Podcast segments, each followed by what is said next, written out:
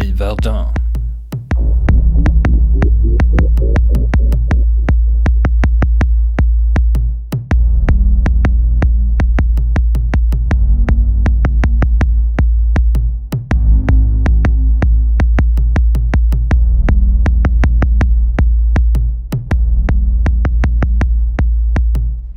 Mm, just det. Vad tänker du på när du hör ordet Verdun?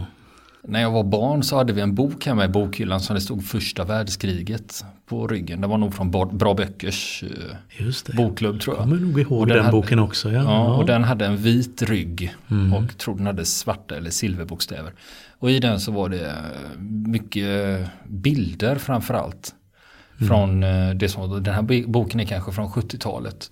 Så det var bilder då från 70-talet och bland annat var det Verdun. Bilder från forten där. Just och sen hade de även varit ute i skogen och fotograferat och då såg man att det låg benbitar och gamla kängor och någon hjälm och mm. någon odetonerad handgranat. Och Just det. Sådana saker. Just det. Du vet vilken bok jag menar? Jag vet eller? precis för att eh, den lånade jag på biblioteket när jag var, var liten. Egentligen för liten för att antagligen enligt de vuxna att läsa en sån bok. Och där ser jag bilder väldigt tydligt. Ett, eh, ett kulsprutenäste på ett av de här forten. Det ser ut som två ögon. Mm, nästan. Just det, en eh. sån stål, eh, mm. ståltorn. Ja, Precis. och eh, mm. den eh, minns jag väldigt tydligt. Och det är den, när man säger Verdun, jag har inte varit där. Mm. Jag har kört bil förbi som i och för sig. Mm. Men jag har aldrig. Då har du varit ganska nära ändå. Ja, jag har varit i mm. kroken i alla fall. Men, så det är den bilden jag har av Verdun. Just det, just det när man talar om Verdun, det är ju verkligen symbolen för krigets meningslöshet med stort S i sammanhanget. För det blir ju det blir inte mer än så, för där, har, där finns alla ingredienser och det är det som man oftast kommer att tänka på när man tänker första världskriget. Så är det, så är det Verdun och det som hände där. Alltså med, där fin, för som sagt, alla ingredienser som vi förknippar med första världskriget. Det är skyttegravar, taggtråd, lera, ruttnande lik, granater, meningslösa massanfall som slutade i blodbad och eh, stridsgas och kulsprutor. Är det som General Melchett i Blackadder Goes Forth när han ger Blackadder och hans eh, förband order om att ni ska rusa rakt mot de tyska ja, ställningarna. Och Blackadder säger det, ja, men det fungerar ju inte de andra 17 gångerna och får du att tro att det fungerar en 18 gång. Just det. Och han bara, ja men tyskarna kan ju ändå inte tro att vi är så dumma så att vi gör det en 18 gång vi har misslyckats 17 gånger. Ja, så då kommer det att funka den här gången. Just det. Eller, eller den, vad är det han säger, Black, Blackadder när generalen kommer på besök? Ja, snart så är de enda som finns kvar generalen, hans fru och hans hund. Åh, han känner till den hemliga planen, säger generalens adjutant. ja, ja, eh, Blackadder mm. Goes Forth är ja. min favorit i mm. Blackadder-serien. Just det. Men nu i dagarna så är det alltså hundra år sedan slaget vid Verdun började. Och det var ju inte direkt något slag som varade från soluppgång till solnedgång eller över tre dagar eller, eller sådär. Utan vi snackar tio månader av fullständigt sanslös slakt. Och eh, där man har räknat med att det dog i genomsnitt en soldat i minuten under hela det här slaget. Om man sprider ut det. Det var över 700 000 soldater som stupade, sårades eller försvann helt enkelt i, eh, i leran vid Verdun. Och eh, av de här så var det drygt 300 000 som man vet dog då. Men några exakta siffror lär man aldrig få fram på det här. Det har historikerna gett upp. Man har gjort uppskattningar bara. Vad var det som, vad var det som ledde upp till det då? Det var ju så här då att sedan hösten 1914, två, sedan två år tidigare, så hade kriget på västfronten stannat av och blivit ett skyttegravskrig. Vilket då, det berodde ju på tekniken som fanns då, den, den militära tekniken och som gynnade försvar framför anfall då, som kulsprutor och eh, förbättrat artilleri och taggtråd och sådana saker. Som gjorde att det var mycket lättare att försvara sig än att anfalla. Anfallen var nästan alltid dömda att misslyckas där i början. För att man inte hade hittat rätt taktik och rätt materiel helt enkelt för att, för att eh, lösa det. Men Tyskland ville få igång kriget på västfronten igen då. Och få det till ett rörligt krig där man faktiskt kunde vinna saker. Erövra Paris och vinna kriget. Till exempel. Och så vintern 1915-16 så sitter man i det tyska militära högkvarteret och funderar hur ska vi göra? Och då tänker man ut en plan. Det är den tyska arméns generalstabschef. Han heter Erich von Falkenhayn då, som tänker ut en plan här med sina medarbetare. Som heter Operation Gericht, Operation Domstol. Med andra ord. Och planen var att om man fick Frankrike att bryta samman så skulle man slå ut huvudmotståndaren i kriget, nämligen Storbritannien. Då skulle de lämna kontinenten, ansåg man. Och då skulle man kunna vända sig mot ryssarna och sen skulle man ha vunnit kriget på alla fronter. Så, så tänkte man i den tyska ledningen på den tiden. Och då beslutar man sig för att vi ska gå till offensiv på västfronten mot Frankrike, mot de franska styrkorna. Och det är inte som man brukar göra nu för tiden att vi letar efter fiendens svaga punkter. Utan man går fullt medvetet till anfall där fienden är som allra starkast. Nämligen vid den här lilla staden Verdun. Vid floden Maas. Den ligger ganska nära den tyska gränsen. Ungefär eh, 23-24 mil från Paris. Det här är en liten stad då som har haft en ganska stor betydelse, en symbolisk betydelse i fransk historia redan innan Verdun. Och eh, det visste man på tysk sida att den här, vi anfaller den här för att det är en viktig symbol. Och för att det finns starka befästningar. Det var nämligen så att redan på 1700-talet då efter franska revolutionen så hade det stått ett stort slag där mellan franska revolutionstrupper och den preussiska armén. 1792 det hade eh, inte gått så bra då för fransmännen. De förlorade och vägen stod öppen mot Paris för preussarna den gången. Och sen nästan hundra år senare då, i det tysk-franska kriget 1870. Då förlorar fransmännen igen. Och då är fästningarna vid Verdun de sista att kapitulera för tyskarna. Och det där tillmätte man då mitt i allt elände någon slags stolthet då att ja men här höll vi ut längst. Så vidare. Och Därför så inser man att ja, det kommer inte på tal att vi ska ge upp vår viktigaste fästning i öster, Verdun. Den mest eh, starkt utbyggda då. Det har man redan räknat ut på tysk sida då att det är så fransmännen kommer resonera. Och det är därför vi kommer anfalla där. Ja, så man ger sig på den starkaste punkten. Mm. För man tänker knäcker vi Verdun, mm, då, då knäcker vi hela fronten. Då knäcker vi hela fronten, precis. Precis man vet att det här är, det är en svår terräng. Och där man vet att den här lilla staden är omgiven av höga kullar. Och där ligger en hel gördel med fort och befästningar. Ett 40-tal större och mindre fort. Som ligger där runt och det, däremellan så eh, var det skyttegravar och kulspruteställningar och mindre bunkrar och allt möjligt då. Och taggtrådshinder och så vidare och så vidare. Så att det här blir svårt, det kommer kosta oss mycket. Men vi kommer också vinna mycket, räknade man med. Och den omstridda frågan, vad var egentligen det tyska målet mer konkret med att anfalla vid Verdun? Hur skulle man alltså besegra fransmännen där?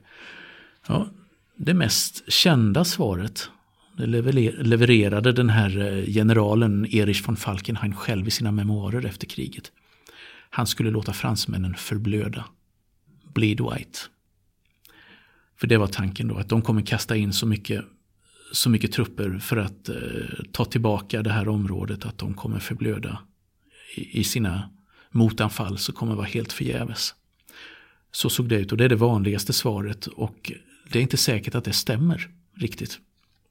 Det är ganska omstritt idag faktiskt för att det finns historiker som, eh, som eh, lutar åt andra förklaringar. Därför att det finns inga dokument som belägger den här förklaringen som Erich von Falkenhayn gav efter kriget. Då, att han skulle låta fransmännen förblöda på det viset. Tyvärr så finns inte arkiven kvar för de brann upp, de tyska arkiven, i nästa världskrig. Så att eh, det finns ingenstans för forskarna att eh, ta reda på sanningen i de centrala arkiven då från den tyska generalstaben. Då. Men de dokument som finns kvar, de pekar i en helt annan riktning, nämligen att man faktiskt ville erövra Verdun. Och inte bara gå till anfall och låta eh, fransmännen liksom, eh, ja, kasta in reserver och reserver. Utan det fanns faktiskt eh, ett taktiskt mål med att bryta igenom också där vid den fronten. Och snarare så, så är det många historiker som lutar åt att ja, den här förklaringen om att man ville låta fransmännen förblöda, alltså som en huvudförklaring då, att den kom upp först under själva striderna, under själva slaget när eh, Erich von Falkenhayn fick det lite svettigt om öronen och behövde förklara varför det skedde en massa meningslösa anfall som kostade hundratusentals soldater i förluster. Och att först då så kommer det här som en efterrationalisering, att vi tänker låta dem förblöda. Så så tror man att, eh, att, ehm, det, kan, att det kan ha varit. Jobbet att gå till anfall vid Verdun det gick till den tyske kejsarens äldste son, kronprins Wilhelm, som ledde den tyska femte armén, som just stod vid det här avsnittet då. Och här hade fransmännen en inbuktning i den tyska fronten så att säga. Där eh, man tänkte att det här är ett bra ställe att gå till anfall på. Därför att fransmännen måste försvara sig mot tre sidor i den här inbuktningen eller utbuktningen. Det beror på hur man, vilket håll man betraktar det ifrån. Den buktar in på ja, tyskarnas sida ja, i alla fall. Eh, och vi kan välja precis var vi, vill, var vi vill gå till anfall där. Så att det var en utsatt position av den anledningen då eh, på den franska sidan. Femte armén, som sagt, skulle sköta det här. På den franska sidan så var man inte så förberedda som man kan tro. Därför att det här var ett ganska lugnt avsnitt av fronten. Det hade inte hänt speciellt mycket tidigare under kriget. Och eh, de här forten som låg där, de hade man rustat av till stor del för man tänkte att man, vi kommer inte behöva använda dem. De en, håller ändå på att bli omoderna i den moderna krigföringen. Vi skickar kanonerna åt andra håll. Några kanoner var kvar men mycket sån här materiel skickades åt andra håll. Man hade inte grävt så mycket fältbefästningar, alltså skyttegravar runt om. Eh, som man skulle ha behövt. Det var inte alls väl utbyggt. För det är så att bygg, bygger man ett stort fort så behöver man försvara fortet. Genom ett närförsvar runt om så man kan Liksom, eh, ungefär som man har en stridsvagn så behöver du infanterister som försvarar stridsvagnen så att inte fienden kan ta sig runt i döda vinklar och så vidare. Eh, under kriget då. Andra världskriget var det ju så. Och eh, likadant är det med en eh, bunker eller befästning. Där behöver du lägga soldater utanför i olika värn för att hindra fienden att komma från oväntade håll eller komma in på och kasta in handgranater eller komma med eldkastare. Det där hade man inte byggt ut så väl vid Verdun vid tiden för anfallet. För att trots att det hade kommit flera varningar då eh, från franska underrättelsetjänsten att ah, här är något på gång. Så hade man inte tagit det på allvar i den franska krigsledningen. Och det här avsnittet då, det, led, det leddes av eh, en general som hade satts på undantag i den franska armén. Han hade uppnått pensionsåldern när kriget bröt ut men han fick ändå vara kvar. Eh, I den franska armén dominerade det här tänket att anfall till varje pris. Det var den doktrinen som rådde när första världskriget bröt ut. Anfall, anfall, anfall.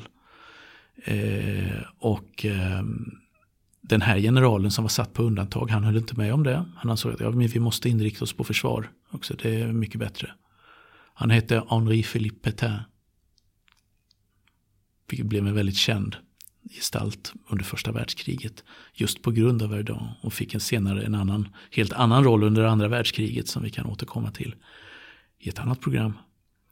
Är det den Petain? Det är den Petain. Okay. Exakt. Ja, namnet mm. det plingar till. Nu trillade jag, ner. Nej, för jag, jag, ja, jag, jag förknippade honom inte med första mm. världskriget överhuvudtaget. Mm. Ja, men, ja, nej, men det är så. Det var där han grundlade sitt rykte och blev en fransk krigshjälte. Han är satt på undantag. Fronten vid Verdun är satt på undantag. All the action, den, den sker någon annanstans. Men man ropar om att här håller någonting på att hända, vi måste, vi, vi, vi måste börja förstärka här. Och en av de som ropar högst är en av hans underordnade. En överste som heter Emile Drian. och som är någon slags fransk Churchill kan man säga. Hälften officer, hälften politiker. Så han har mycket goda kontakter i Paris och kan eh, gå förbi den, till och med den franska generalstaben och prata med mäktiga försvarspolitiker för att få sin vilja fram. Han har insett hur illa ställt det är vid fronten vid Verdun. Han leder två bataljoner där, ungefär, lite drygt tusen man. Han var också en av de här som var satt på undantag eftersom han var en försvarsförespråkare och av en slump så är det just de här två männen som finns vid Verdun. Eh, och ska försvara Verdun vid, mot den tyska offensiven. Och eh, han lyckas i alla fall i sista ögonblicket eh, få fram meddelanden också till den franska eh, ledningen i Paris. Som leder till att man vaknar till några dagar innan den planerade offensiven ska bryta ut den 22 februari. Då bör man vakna till, koncentrera franska styrkor vid Verdun eh, under Petains ledning. Eh, och det var i sista ögonblicket, eller i grevens tid som vi brukar säga på svenska. Då, eh, anfallet drar igång den 22 februari.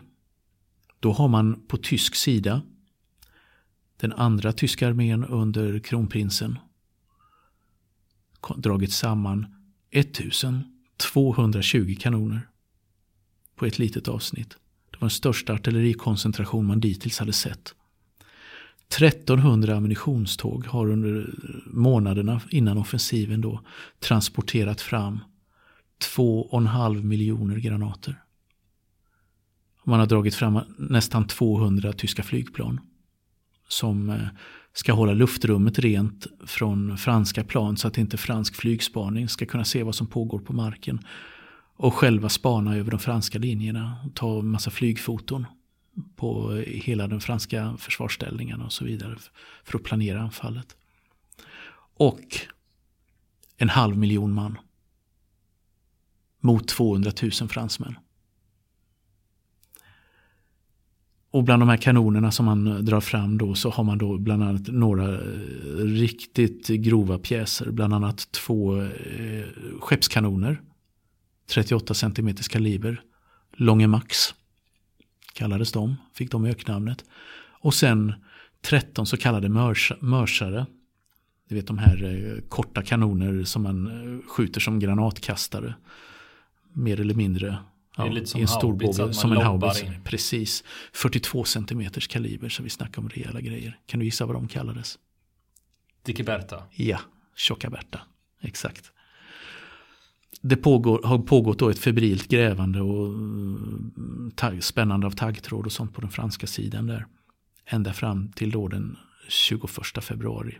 Klockan 8.12 på morgonen så avfyras den första granaten. Och den kommer från en av de här skeppskanonerna, Longe Max, som står 27 kilometer från Verdun. Man avfyrar en granat. Avsikten är att slå ut en bro över floden Mars som flyter genom Verdun. Så att inte franska förstärkningar ska kunna komma över, över floden då. Granaten missar, träffar katedralen i Verdun istället. Och därefter så drar hela det tyska artilleriet igång. Och det blir det dittills värsta bombardemang som har skådats under hela kriget. Man räknar med 100 000 granater i timmen. I nio timmar. Innan de tyska trupperna går till anfall. Då. Och det här överträffades faktiskt redan några månader senare av britterna när de gick till anfall vid Somme. Då hade de en ännu värre sån artilleriförberedelse. Men de hade tyckt att ja, det där såg intressant ut, det tyskarna gjorde vid Verdun. Det testar vi. Men när de tyska trupperna sen på eftermiddagen, sen eftermiddag, faktiskt går till anfall. Då så är det ett helt kraterlandskap som breder ut sig framför dem. Då franska ställningarna är totalt sönderskjutna. Eh, många av de franska försvararna är döda, ligger döda i sina, det som är kvar av sina skyttegravar.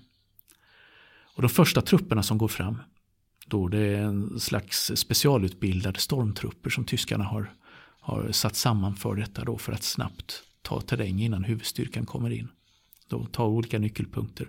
Och de är tränade i någonting som var väldigt ovanligt på den tiden. Nämligen att kunna skjuta springande med sina gevär. De har med sig då patronbälte med 90 skott. Eh, lite mer än vad en vanlig soldat hade på den tiden. Då. Eh, sandsäckar då som är fyllda med dels ägghandgranater och gasmask och andra saker som de behövde för striden. Några har eldkastare. De har med sig eh, tänger för taggtråd och eh, spadar för att snabbt kunna gräva nya värn. Vad kallas den här typen av förband? De kallades för stormtrupper på den tiden. Eh, ut, utvecklades senare, 1918 kan man säga, till Sturmabteilungen. Alltså därifrån som man tog namnet till SA-trupperna sen i nazistpartiet. De var också utbildade på fiendens vapen. För att kunna slåss med dem under framryckningen. Och eh, som en eh, extra sak för att anpassa sig riktigt efter fältmässiga förhållanden så hade man skruvat av piggen på pickelhuvudena. För att man inte skulle fastna i taggtråden. De flesta soldaterna hade fortfarande pickelhuvor. De här eh, hjälmarna som var helt värdelösa. De skydd, det var egentligen paradhjälmar som inte skyddade för någonting.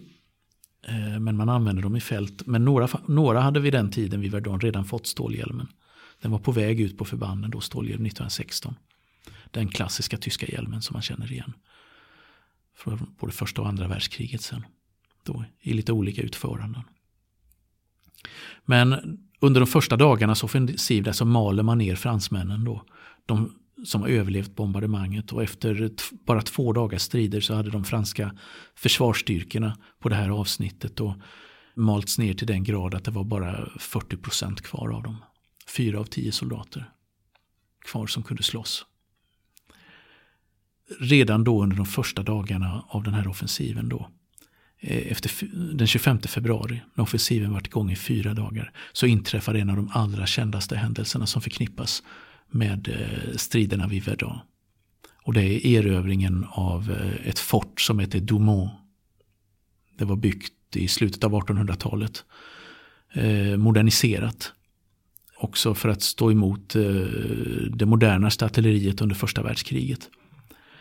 Ehm, det var det kraftigaste av forten i den här gördeln eller ringen av befästningar runt staden Verdun. Och den 25 februari så var det ett infanteriregemente eh, med nordtyska soldater. Närmare bestämt från en liten stad som heter Neuruppin. Och den som åker eh, bil till Berlin exempelvis tar färjan till Rostock och eh, eh, åker raka vägen ner till Berlin, passerar den här staden på vägen. Och då kan man tänka på Verdun nästa gång, att från de här små lantliga trakterna kom soldater som var med om några av de allra värsta striderna under första världskriget. Till exempel. De hade fått uppdraget här då, det här infanteriregementet, att förskansa sig i närheten av det här fortet. Man hade fortfarande stor respekt för det. Eh, för man visste att det är förmodligen starkt försvarat. Kanoner, kulsprutor och så vidare. Och så närförsvaret runt om då räknade man med med taggtråd, skyttevärn och kulsprutenästen. Så en kilometer från fortet skulle man förskansa sig för att understödja ett annat regementes anfall mot byn med samma namn som fortet då, som låg alldeles intill. Men de här soldaterna var eh, en del av soldaterna i det här regementet var jäkligt ivriga. Det hade gått bra hittills anfallet, det hade gått framåt. Så att man arbetade sig fram faktiskt ända till själva fortet. Utan att bli upptäckta av de franska försvararna. Och eh, man tyckte det var lite märkligt. Att man kunde komma så nära utan att eh, bli beskjutna. Så då är det en underofficer som heter Kuntze. Som har med sig en handfull soldater. Då i en patrull. Och de kommer ända in till fortet och hittar en eh, eh, ett hål i väggen, ett schakt in. Men det sitter högt upp. Så han beordrar sina soldater att forma en mänsklig pyramid. Sen klättrar han upp och klättrar in genom hålet för att spana inne i. Och när han går omkring där i fortets övre våningar, smyger omkring, så ställs han öga mot öga med de franska artilleristerna vid kanonerna. Vad händer? Någon skjuter? Nej. De får panik, fransmännen av att se en tysk soldat inne i fortet. Så de lämnar sina stridsposter och springer ner i kasematterna i källaren av fortet för att varna sina kamrater som finns där nere. Lämnar hela våningen med, med artilleripjäserna tom. Och där går han omkring. Och liksom, helt ensam, tysk underofficer. Och under tiden så har det kommit andra grupper av soldater fram dit och ledda av, eh, ledda av ett, eh, några officerare då. Eh, bland annat en kapten då och ett par löjtnanter. De tar sig också in i fortet och eh, sprider ut sig där inne, säkrar rum efter rum. Och det slutar med en liten stund senare att den franska garnisonen i det största fortet vid Verdun, det är 67 man, kapitulerar utan ett skott för ett 20-tal tyskar. Och nästa vecka fortsätter vi med andra delen av slaget om Verdun 1916. Och nu ska vi snacka krigsfilm och eh, mm. jag vet Niklas i början när vi, i ett av våra tidigare avsnitt av fronten så pratade du om den sydkoreanska filmen Brotherhood of War. Ja, just det. Precis. Och du rekommenderade den och tyckte den var bra. Mm. Jag såg den nyligen och jag blev jätteimponerad. Jag tyckte den var väldigt, väldigt välgjord. Mm. Så jag har fortsatt att beta av sydkoreanska filmer. Mm. Krigsfilmer. Och de har hög budget och mm. jättebra mm. manusförfattare. Det är lite Menig Ryan i ja. någonting i språket ja, i filmen. det finns flera. Och jag kommer att komma tillbaka till att prata om flera sydkoreanska filmer som jag har sett. Mm. De är, jag är imponerad. Men när jag såg de här sydkoreanska filmerna så tänkte jag Fan, undrar om, undrar om Nordkorea också gör krigs, Har du kollat? krigsfilmer då. Och, och så, eh, du har väl inte? Eh, jo, jag har letat eh, och så till slut så hittar jag då på YouTube ligger den tillgänglig. Och den är det sant? Jajamän. Och den engelska titeln det är Order number 27. Alltså Order mm. nummer 27 heter mm. den här. Och den här är tydligen utsmugglad på en VHS-kassett från Nordkorea då.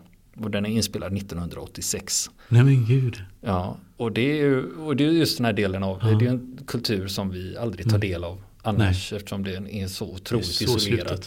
Ja. Och ingenting läcker ut. Ja, utöver gamla krigsfilmer då från 80-talet. Ja. det, det, Fantastiskt. Det, det, kanske är planterad. Ja, precis. ja, det, det, är intressant att ta del av sånt där. För man, vill, mm. man har ju ändå bild av Nordkorea. Var de eh, står någonstans mm. nu. Vad det, här, det får man ju då anknyta till 80-talet. Ja. Om vi tänker oss 1986. Så kvaliteten på krigsfilmerna. Det var ju, I Hollywood kom ju Plutonen. Oliver ja. Stones Vietnamfilm. Och så skulle, jag vet inte om det var tanken att det här skulle vara motsvarigheten då. Svaret på, Svaret på Plutonen. Order mm. nummer 27 från Nordkorea. Nej, det var eh, filmen i sig. Jag hade ju inga som helst förväntningar. Jag visste inte vad jag skulle se. Jag har ju sett en del ryska krigsfilmer också mm. från 80-talet. Och mm. sådär. Just det. Så det är nästan den östeuropeiska eh, mm. från östblocket som man får liksom jämföra med på något sätt. Mm. Och det här håller ju... Mm. Lite blekt i färgen. Ja, det här håller ju inte alls samma kvalitet som man tar till exempel från 80-talet. Mm. Då har vi ju en annan film vi har pratat om. Kom och se. Mm. Idias Matri. Som är från 85. Från mm. en Sovjetfilm om andra världskriget som håller en extremt hög kvalitet. Eh, men ordet kvalitet och ord nummer 27, de orden får du inte ha i samma mening. Mm. För de har inte med varandra att göra. Mm. Men om jag skulle försöka summera den och mm. jämföra den med någonting så kanske Hongkong 70-tal eller någonting. Aha. Eh, för jag, bru, bru, swish, swoosh kampsport. Glad karate. Ja, ungefär. För ja.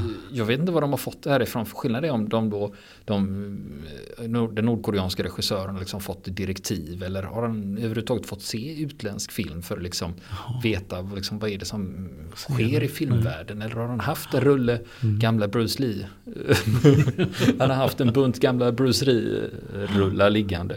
Men eh, storyn är så här att det handlar om ett nord, det här utspelar sig under Koreakriget. Det är mm. ett nord nordkoreanskt specialförband som ska infiltrera i Sydkorea och leta upp ett högkvarter och stjäla dokument från en ondsint sydkoreansk general. Mm. Så det är ganska basic story. Mm. Och eh, historien Så långt ingen större skillnad från Hollywood. Nej, och så, grejen är att det, det präglas ju av ganska smetig patriotism och det sjungs sånger med man hyllar den store ledaren och sådana saker. Det, Menar du att specialförbandet på uppdrag nej, sjunga sånger? Nej, det är filmmusiken som ligger i bakgrunden. Och så ja. är det också den där, visar det härliga, fina, glada kamratskapet i nordkoreanska armén. Där ja. de har en snäll major eller kapten som är som en far för dem och visar stor förståelse för dem. Och de är så lojala mot honom. Och, och det är lite gulligull där. Men sen ska de då simma över en flod och så ska de då infiltrera Sydkorea. Och eh, sydkoreanerna porträtteras ju då som de är dricker alkohol och de är giriga och spelar om pengar. Och, mm. liksom, och, och, och sådana här hemska människor verkligen då är elaka och örfilar barn och kvinnor. Mm. Så det finns en väldigt stereotyp bild av eh, elaka sydkoreaner. Eh, men så, så, så porträtterades de inte i de sydkoreanska filmerna. Så det, någon, det finns en det diskrepans där. Det är något ja. som, ja. Men, och då tänker man så här. Man tro på. Ja, men den här är ändå, eh, mm. det här faller ju ändå under det här att detta ska ju ändå vara en krigsfilm. Det är ju det som mm. är idén. Och därför blev jag förvånad första gången de springer på fienden i något hus eller någon gård någonstans. Och det avlossas inte ett skott utan det är enbart kampsport. De, de slåss med knytnävarna och så massa rundsparkar och hoppsparkar och klättrar upp på taket och hoppar ner och sparkar ner tre stycken samtidigt. Och, eh, med lite lustiga ljudeffekter sådana whoop, Jaha, det, det är den modellen. Ah. och, och, det är liksom, och det blir svårt att ta seriöst. Men nu, nu måste vi tänka att nu, nu, nu när vi sitter där 2016 och snackar kampsport på film. Idag så har man en helt annan koreografi och man klipper helt annorlunda. Det är mycket snabbare, mm. det är mm. mycket mer vinklar. Här är det ganska mm, påvert mm. i ett eh, bra ord med det här. Men det visar sig när, sen när den sydkoreanska generalen får rapporter om att en sydkoreansk styrka har överfallits och alla har dödats med slag eller sparkar mot vitala organ. Så de har liksom slagit ihjäl sina fiender med mm. nävarna då. Så bra vältränade är de. Och de tackar sin major också för den hårda träningen de har fått som gör att ja. de blir härdade inför striden.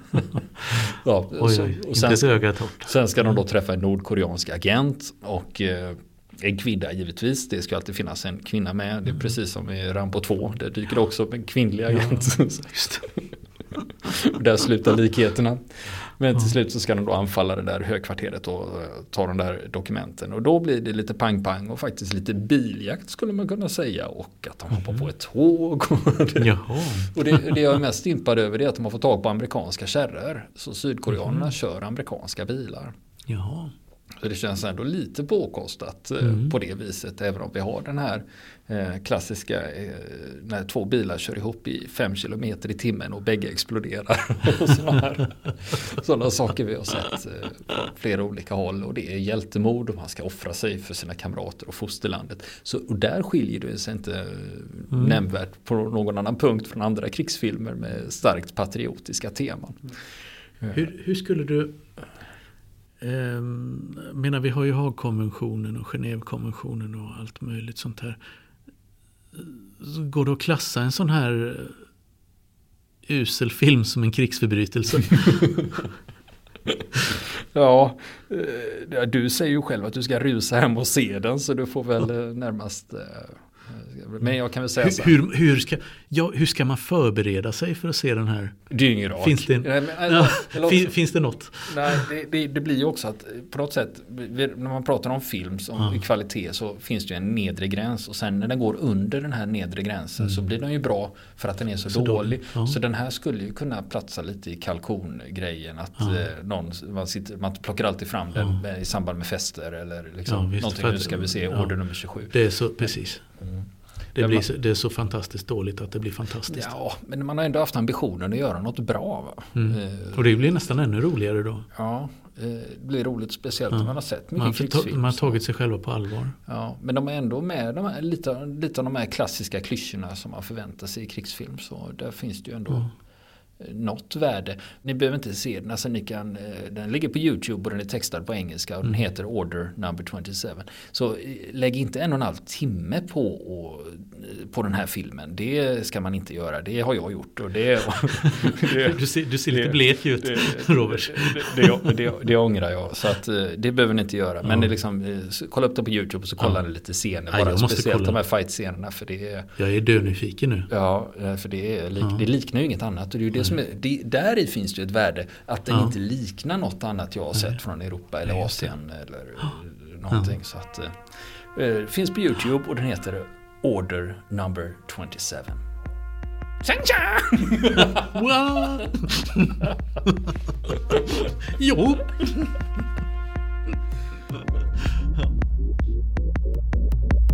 Vill ni komma i kontakt med oss så kan ni göra det via vår Facebook-sida som heter Fronten. Det är inga problem för er att leta er fram där. Eller också så mejlar ni på vår mejladress och det är frontenpodcast.gmail.com.